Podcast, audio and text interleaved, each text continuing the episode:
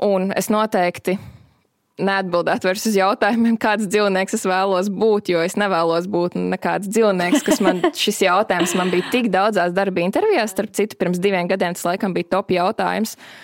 Un tas bija arī vienkārši kaut kas ārprāts, kāds dzīvnieks vēlētos būt. Un, es, es vēl aizvien atbildēju. Es, ko, kaut kāds kaķis vai suns, jo tas pakļaujas saimniekam, nu, kaut kāds pilnīgs viesis, jo tev vienkārši izsit ārā.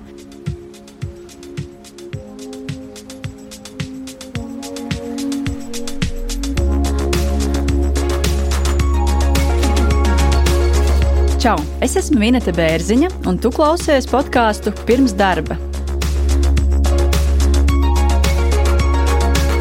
Te skan cilvēcīgas un saprotamas sarunas par darba meklēšanu un atrašanu.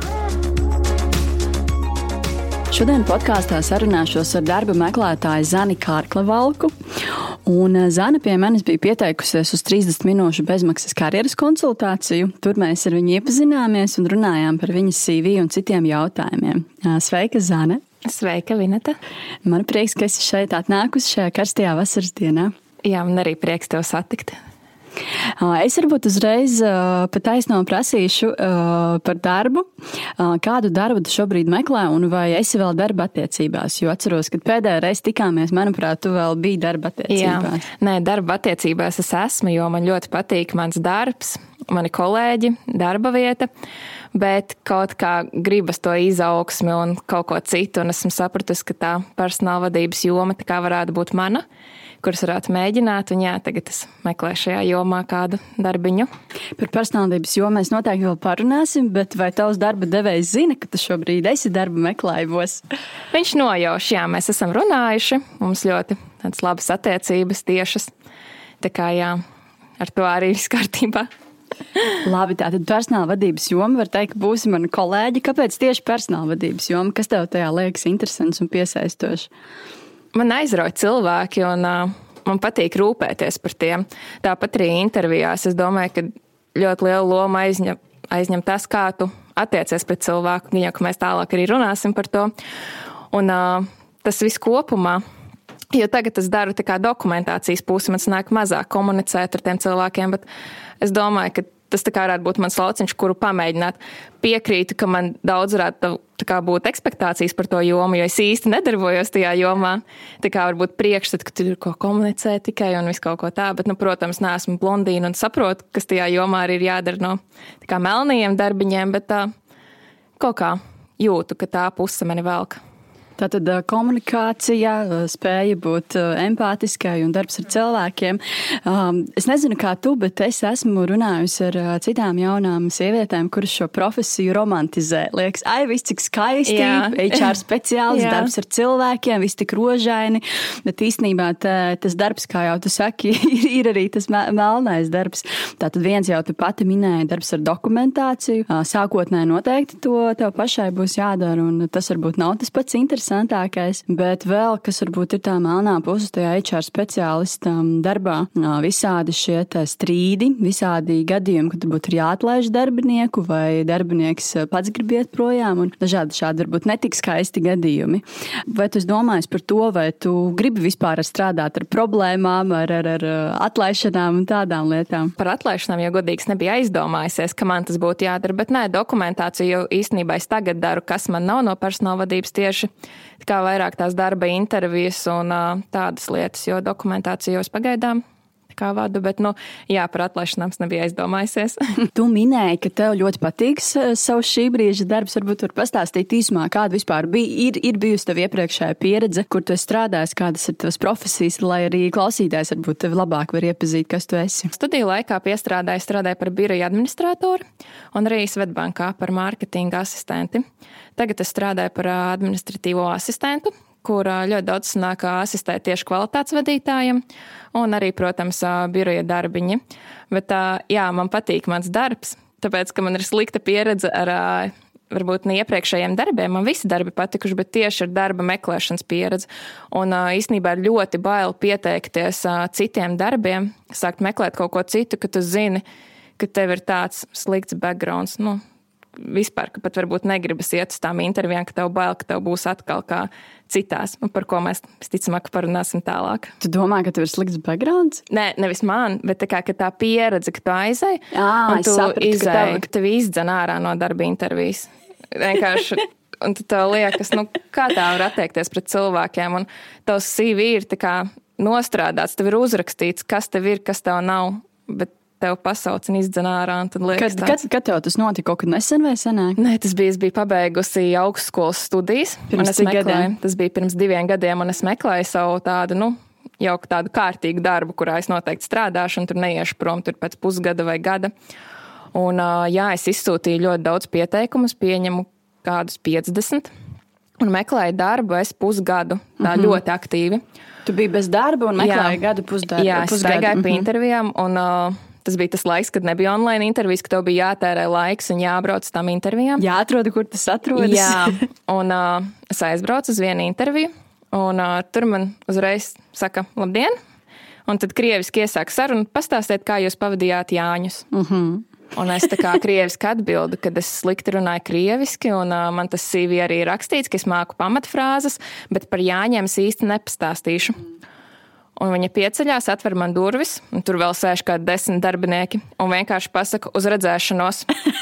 Un es tādu, ko... Tas ir Daņa. Jā. Es tāda, ok, es saku, paldies, ka pateicāt paldies, un uh, uz redzēšanos arī jums. Un tad es izēju ārā un es vispār nesaprotu, kas bija noticis. Jā. Un es tā kā viņiem rakstu. Un viņi saka, ka uh, nevajag melot. Un es domāju, kā melot. Viņi saka, jums bija norādīts, ka ir augstākā krievu valodas no zināšanas prasme. Es saku, nē, apskatieties zemāk, tur arī norādīti tie līmeņi. Tur bija jādroši vien līmenis, ja, kas ir zemākais. Jā, mm -hmm. un viņi, ah, jā, mēs sajaucām.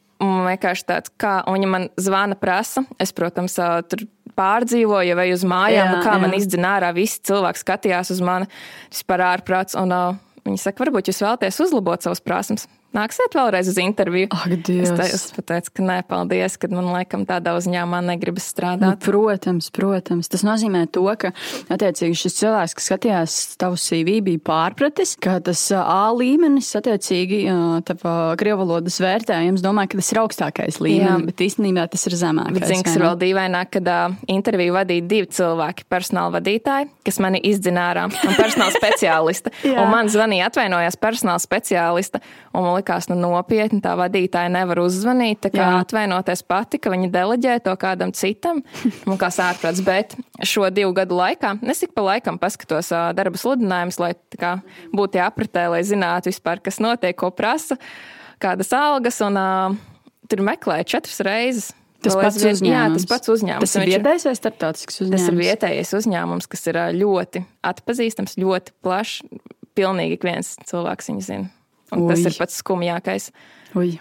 Jā, man bija ļoti bēdīga pieredze ar šo uzņēmumu. Tā kā ļoti, un tas pat varbūt man kaut kādu iedragāja. Nevis pašapziņa, bet to, ka kā, tev uzaicina uz darba interviju, un tu apskati to uzņēmumu, kas tur strādā, un tad skaties, vai tas cilvēks var būt normāls vai nē, vai man iet uz interviju vai nē. Kur tu skaties?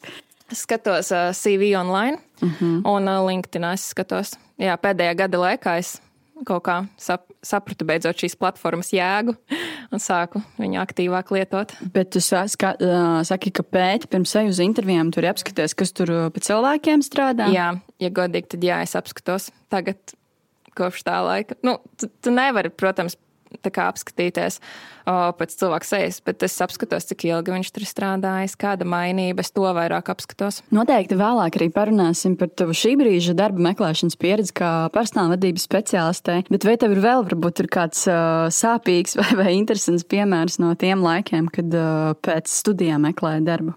Jā, bija ļoti grūti atrast darbu. Kā ļoti, un liekas, ka cilvēki prasa tiešām advancētus speciālistus par diezgan zemu samaksu. Pats skumjākais, man liekas, tas, ka entry level jobs vienkārši tiešām prasa no tevis kaut kādu piecu gadu pieredzi. Un bija tāda sajūta, ka nevienam tos studentus nevajag. Nu, pilnīgi nevienam, ko tai man bija divu gadu pieredze strādājot paralēli visādus darbus. Kur, kur tu biji strādājis? Es biju strādājis par uh, marketinga asistentu uh -huh. uh, Svetbankā. Tā bija kā praksa. Un pēc tam es strādāju par biroju vadītāju kur tas bija tikai uz noteiktu laiku, kamēr dekrētā bija. Un, jā, un tad it kā liekas, ka tev ir tā pieredze kaut kāda, bet ļoti grūti atrast darbu. Es negribētu vēlreiz būt tajā pašā periodā. Un ko tu biji pabeigusi? Kādu skolu, kādu profesiju? Es biju RTU uzņēmēju darbību pabeigusi, mhm. uzņēmēju darbību un vadību, jā. Tev un... bija kaut kāds novirziens pabeidzot to uzņēmēju darbību? Nē, vienkārši, bet es pieteicos tiešām uz visiem iespējamiem darbiem, tā kā pat, kurus domāju, nu nē, nu šeit tā kā negribētu strādāt, bet nu nevar, ja es neatradīšu darbu, ko es darīšu. Nu, Bet nu, es varu ļoti uzslavēt tagadējo darbu, jo pēc tām ļoti sliktajām pieredzēm, kur tu aizēji, pirmkārt, ir trīs kārtas kaut kādam nu, tiešām basic darbam. Un uh, to nedod atbildi divas nedēļas, un tas viss velks jau gandrīz pusotru mēnesi. Un pēc tam tu aizēji uz interviju, kur tev pajautā parastas lietas. Nu, tu esi darījis to, tu māki to, valodas zini. Ok, kad nāks pie vadītāja. Atnāc pie vadītāja, vadītājs to pasaka uzreiz. Nu jā, mēs varam tā runāt tālāk par darba līgumu slēgšanu. Un tas bija tāds, wow, tiešām ir arī tāda uzņēmuma, kur viss notiek adekvāti tai samaksai, ko viņi ir gatavi tev maksāt un prasībām, kur nav nekas milzīgs, ka viņiem tiešām trīs punkti, ko viņi pajautā. Okay, pirms cik gadiem tas bija? Pirms diviem gadiem. Pirms diviem gadiem. Uh -huh. Un varbūt vēl pirms tiem diviem gadiem, kad bija darba meklējumos, varbūt vēl bija kāda interesanta uh, intervijas situācija. Ir bijušas pāris intervijas, un tagad no tagadējām ir tas, ko es varu atcerēties, ir, ka man vienkārši skaidri un gaiši pajautā, ka tu plāno palikt stāvoklī, tu sēdi un tu domā. Ko tā kā, da, kā datumu konkrēti? Jā, un tu tur sēdi un domā, nu, kā lai es pasaku, nu, nu, pēc trīs līdz pieciem gadiem, ka es nezinu, nu, kā, kā es varu zināt. Nu, protams, kaut kādi plāni ir, bet nu, viņi saka, pēc trīs gadiem, ja tad tiešām tāda sajūta, ka varbūt pat vajag pateikt, ir rudens vai, vai vasara, lai var gatavoties. Kad... bet, bet kas tev to prasīja? Tas bija vadītājs vai HR speciālists? Nē, mums bija kopā intervija ar vadītāju un HR speciālistu, bet to pajautāja HR speciālists, kad vadītāja vairs nebija. O, cik interesanti. Jā. Nu, HR speciālistam droši vien vajadzētu zināt, ka darba likumā ir aizliegts tādas jautājumas prasīt. Tas bija jā, uzreiz tāds arī priekšstats rodas par to uzņēmumu, ka varbūt labāk nevajag. Tas bija attālināti vai klātienē? Tas intervija? bija attālināti. Mm -hmm. Bet pēc tam man paaicināja tomēr klātienē. Kā varbūt viņiem tie trīs gadi nelikās tik drīz. cik, cik interesanti. Tad tu tik uz otro kārtu arī, arī neskatoties uz to, ka tu pateici trīs gadiem. Jā. Tas tā kā derēja. Jā tu izturēji pirmo kārtu. un kas notika otrajā kārtā? Kādi interesanti jautājumi tur tika uzdoti? Nē, tur gan nebija. Tur rādīja uzreiz darba pienākumus, kas tur būs jādara. Man liekas, tā kā, nu, ok. Tā kā, tur jau viss skaidrs, un tad divas nedēļas nedēva ziņu, un tad beigās pieņēma lēmumu par kādu citu. Bet uh, interesanti arī bija tas, ka viņi solīja nedēļu un visu laiku kavējās. Un tas arī likās, ka, nu, ja tu zini, ka nē, nu, tad varbūt uzraksti, nu, kad nē, paldies, mums ar jums nav tālāk ko darīt. Bet, nu, stulbi arī tā kavējas. Vai tu zini, ko tur pieņēma? Ar, kā, ar kādiem Jā. kritērijiem? Pēc pieciem gadiem vai pēc desmit gadiem bija plāns? Uh... Nē, man pateica, ka cilvēkam ir lielāka pieredze tieši mm -hmm. aprakstu veidošanā, kas man arī, jā, kas man arī liekas, ka tu aizies darba interviju un tev prasa, jā, tev ir tas, tas, tas. Principā tev ir 80% no mūsu prasībām, bet tie 20% tev nav. Nu, tāpēc mēs laikam izvēlēsimies kādu citu, un tu liekas, nu kā, nu to taču var iemācīties kaut kādus aprakstus veidot, kas aizņem. Kas, kas tie ir par aprakstiem? Piemēram, šajā konkrētajā gadījumā bija darbinieku pasākumu, piemēram, izsūtīt ēpastu par uh, interesanti uzrakstīt, ka jums būs darba pasākums. Tas taču ir vienkārši. Nu, jā, tas taču ir vienkārši, bet, nu jā, jums nav pieredzes.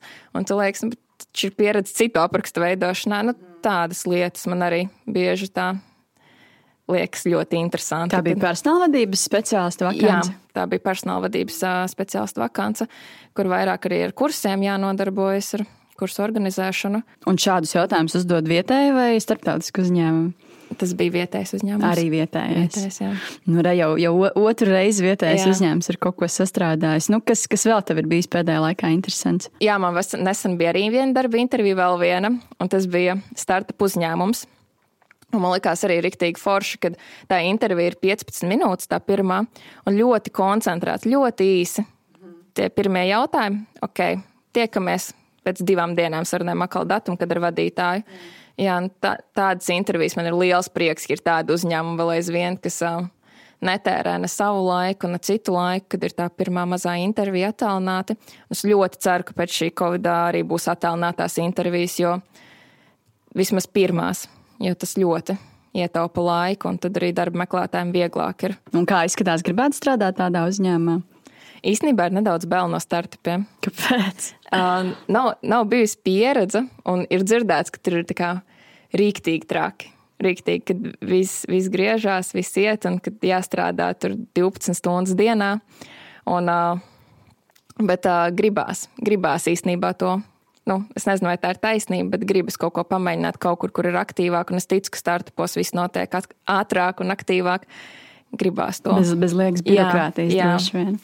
Pastāstiet, varbūt kā tev šobrīd ir rezultāti, cik ilgu tu laiku jau meklē darbu personāla vadībā, cik aptuveni tev darba intervijas ir bijušas, cik aptuveni tu pieteikumus esi nosūtījis, vai tev ir kaut kāda statistika? Jā, es meklēju kādu pusgadu, mm -hmm. nav daudz pieteikumu, un man ir liels prieks tam, ka tagad, kad es strādāju, man ir darbs, ka es varu filtrēt, kuras piesakos, nevis piesakos visur, un arī, ja man kaut kur uzaicina, es tomēr pirms tam paskatos vēlreiz, vai tas ir tas uzņēmums, uz kurus gribu iet strādāt, un ļoti daudz filtrēju Jā, un uh, esmu izsūtījis kādas desmit CV. Pusgada laikā. Jā, un tad tas, tas nav daudz. Tas nav daudz, mm -hmm. jo es mhm. tā tiešām skatos, nu, kuras tiešām potenciāli gribētu iet. Mm -hmm. Un, uh, ir atzvanījuši kādi četri cilvēki. Un cik, cik ir bijušas sarunas, cik ir bijušas intervijas? Četras, jā. Tie četri atzvani tikai bijuši četras intervijas. Tātad no desmit četri, nu ļoti jā. labs rezultāts. Jā, bet kaut kā gribētos labāk.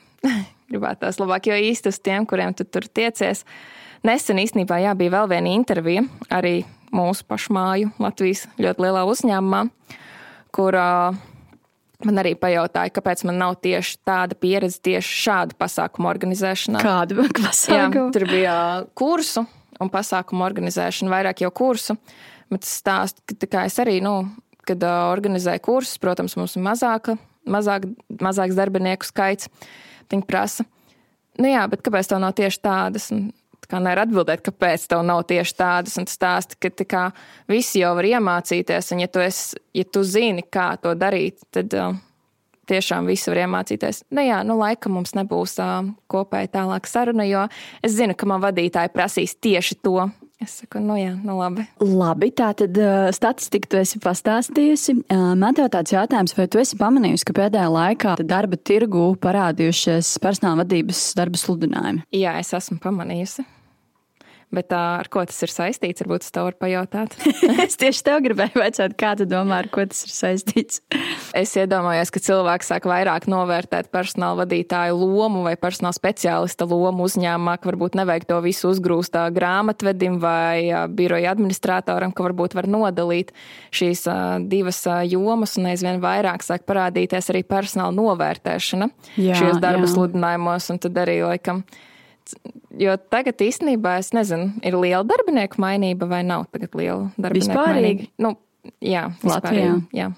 Tev šķiet? Nu, nezinu, man liekas, man liekas ka tāda, tāda pati, kāda bija varbūt pirms kāda laika, man liekas, arī tagad ir. Nekas, manuprāt, tā diži nav mainījies. Ko es varbūt esmu pamanījusi, jā, tu pareizi saki, tur darbinieku novērtēšana, tad arī esmu pamanījusi, ka meklē personālvadības speciālistus ar pieredzi atlasē, tīpaši informācija tehnoloģiju speciālistu atlasē.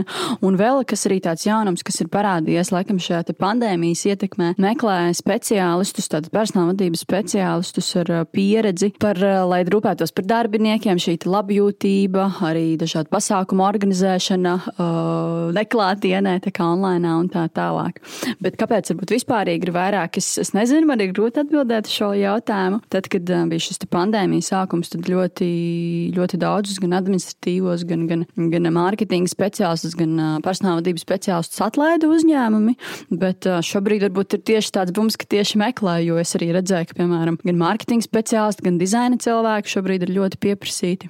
Varbūt viss savā starpā ir saistīts. Nu jā, jo man liekas, ka sāk domāt vairāk par to darbinieku noturēšanu. Tie uzņēmumā jau tagad daudzi uzvar ar to, ka ir attālinātais darbs un cilvēks vairs nav piesiets tai lokācijai, kur viņš strādā un var beidzot atrast varbūt savu sirds darbu, neatkarīgi no lokācijas. Jā, jā nu man liekas, ka tie uzņēmumi, kuri šobrīd piedāvā šo iespēju, tātad strādāt fleksibli, strādāt attālināti, strādāt no jebkuras vietas, būs arī vieglāk piesaistīt šos darbiniekus. Man vēl tāds jautājums, varbūt atgriežoties pirms tiem diviem gadiem, kad tu meklēji pēc augstskolas savu vienu no pirmajiem darbiem, ko varbūt tu šodien darītu citādāk ar, ar šodienas pieredzi, ņemot vērā varbūt tā laika kaut kādas pieļautās kļūdas? Jā, es noteikti nemēģinātu intervijās izpatikt uz visiem simt procentiem. Un, ja man prasa, vai, nezinu, vai man tur patīk strādāt līdz deviņiem vakarā, piemēram, Un uh, tad es tur teicu, jā, man patīk. Nu, tu centies atbildēt uz visiem jautājumiem, tā kā grib atbildēt uh, šis, šis uh, personāla vadības speciālists, kurš tev uzdod šos jautājumus. Un uh, jā, es vairāk noteikti būtu es pati. Nevis es vairāk būtu, bet es jau esmu es pati intervijās un atbildu tiešām, ko es vēlos atbildēt. Un es noteikti neatbildēt vairs uz jautājumiem, kāds dzīvnieks es vēlos būt, jo es nevēlos būt nekāds dzīvnieks, kas man šis jautājums man bija tik daudzās darba intervijās, starp citu, pirms diviem gadiem tas laikam bija top jautājums. Un tas bija arī vienkārši kaut kas ārprāts, kāds dzīvnieks vēlētos būt. Tas es, es vēl aizvien atbildēju. Es, ko, kaut kāds kaķis vai suns, jo tas pakļaujas saimniekam. Nu, kaut kāds pilnīgs vies, jo tev vienkārši izsit ārā. Un tagad, jā, mēs ik pa laikam atceros šo jautājumu, un tad Un tad man tā atceros, kāds dzīvnieks vēlētos būt, un tā padomāju, pārdomu brīdis. nu jā, tas laikam tāds jautājums, kur, kur nav, nav pareizās atbildes. Droši vien gan grib to reakciju paskatīties, gan arī pēc tam, kad tu pasaki šo dzīvnieku, droši vien lūdzu, lai tu paskaidro, varbūt kādas ir īpašības piemīt tam dzīvniekam un tam līdzīgi. jā, bet nu, man laikam patīk labāk konkrētāk jautājumi par darbu. Un, vai, nu labi, Nevis par jāņiem, jā, par dzīvniekiem. Par jāņiem arī tas bija. Starp citu, nesen es atcerējos pie tās pašas darba intervijas, kurā man jautāja, kad es plānoju būt stāvoklī. Tas aizvien skan ļoti smieklīgi. Mana trešā atlases kārta bija īstenībā, kur zvanīja manam vadītājam. Viņi prasīs, tā domāju, no ok, es iedodu, tā kā es nedevu savu vadītāju, iedodu savu kvalitātes vadītāju telefonu numuru. Un viņi zvanīja, un šī saruna bija 15 minūtes gara, nu, ļoti gara par atsaukšanu ievākšanu. Un man likās arī, kā, nu, kad kaut kā, jā, kad viņi piezvana, nointervē, un tad tev nedod atbildi divas nedēļas, kā jau es minēju, kad viņi ļoti ilgi deva atbildi un kavēja termiņos, jo teica, ka nedēļa dos mokās ļoti tā neglīti, jo tev, principā, visi kolēģi jau zina, ka tu meklē citu darbu. Mhm. Un, uh, un viņi to nedod atbildi, un visi tā kā gaida, ko tu teiksi. Bet, uh, nu, jā. Bet kāpēc vispār devīja pašreizējā darba devēja kontaktus? Jo es es nezinu, man likās, tas bija vispār pirmo reizi, man tā pajautāja. Man likās, nu, man jau nav ko slēpt, es iedošu, bet tagad es tā domāju, ka mazliet tā. Labāk tā, nevajag dot. Jā, jā, ka labāk nevajag dot, jo it kā jau neviens neko sliktu negrib, bet tad visi sāk par to runāt. Nav jau tā, ka tu uzreiz ej prom, bet visi jau tā kā to katru dienu principā prasa. Nu, Nu, tu atradi kā, kaut jā, ko. Jā, nu, tu atradi kaut ko, un tu ies prom. Nu, tā sajūta nebija patīkama. It īpaši uzņēmums tev vēl neatzvan un nepasaka, kā jā vai nē. Un tad varbūt no tā es arī gūstu mācību, ka varbūt gluži tā Nevajag, ja tu nezini simt procentu, vai tu tur iesi. Nu jā, šis, šis ir tāds, tāds labs ieteikums. Tiešām nedot pašreizējo darba devēju kontaktus, pat arī ne kolēģu, ne, ne, ne, ne draugu.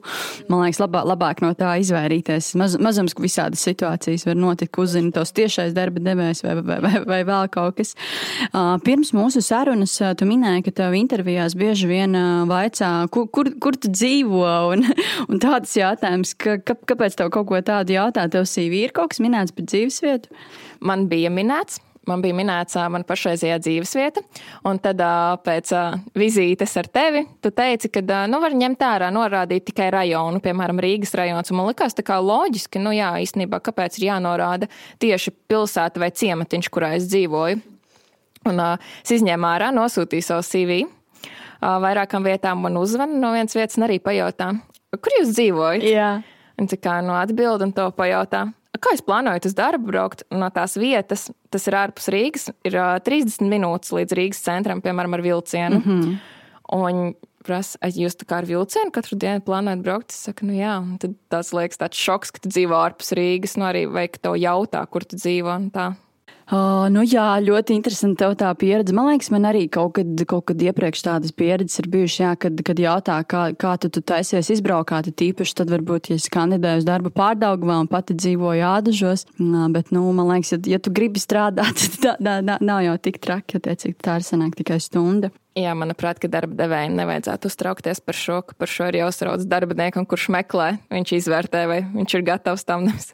Darba devējs izvērtē, vai tas būs pa tālu vai nebūs pa tālu. Vēl ko es tev gribu pavaicāt, kāpēc varbūt vispār klausies podkāstu pirms darba? Es nezinu, no sākuma bija tā, ka es ieraudzīju to podkāstu, un darba meklētājiem likās, o, oh, darba meklētājiem skan tā interesanti. Un tad es sāku klausīties, man liekas, tik interesanti klausīties citu cilvēku pieredzes stāstus. It īpaši, ja tu esi bijis viens no tiem, nu, ka tu līdzīgā jā, situācijā. Jā, un tu klausies, nu nevar tā būt, ka kādam vēl tā ir bijis. Un tev liekas tāds, un tad jau tas kā ir kā jau norma, pilnīgi tev jāpieņem, ka tev tur, nezinu, izdzen no intervijas ārā, vai tur, kā viena stāstīja, viens no taviem viesiem, kad atnāk uz interviju un 30 minūtes gaida vadītāju, un tu pasaki, ka vēl to jāgaida. Jā, jā. Man bija arī tā ļoti līdzīga, bet, protams, kā es teicu, kad es centos izpatikt un es gaidīju arī to stundu. Ko es tagad noteikti arī nedarītu. Nu jā, tie pieredzes stāsti, kur tu atceries sevi, vai tu kaut kā gūsti no tā pieredzi īstenībā, no citiem pieredzes stāstiem. Nu, super, paldies. Un man, man bija interesanti klausīties tavā stāstā, līdzīgi kā varbūt eh, darba meklētājiem klausoties citu pieredzes stāstos. Tā kā liels paldies, Zēni, ka atnāci un pastāstīji savus darba meklēšanas un interviju stāstus. Jā, paldies tev, ka uzaicināji uz interviju, un ceru, ka tev viss izdosies ar podkāstu. Paldies! Nākotnē, ka būs tikpat interesanti, cik tagad stāsti. Paldies! Nu, cerams, cerams, droši piesakieties, kuriem ir arī kādi interesanti darba meklēšanas stāsti. Jā. Tu noklausījies podkāstu pirms darba. Lai nepalaistu garām nākamās nedēļas epizodi, seko maniem ierakstiem LinkedIn un Facebook. Abonēt jaunās epizodes un noklausīties iepriekšējo sezonu intervijas var visās podkāstu platformās un YouTube. Ja esi pozitīvs un vēlies atbalstīt manu darbu, raksti komentārus un pārsūti manus ierakstus savam draugu pulkam. Uz tikšanos podkāstā pirms darba!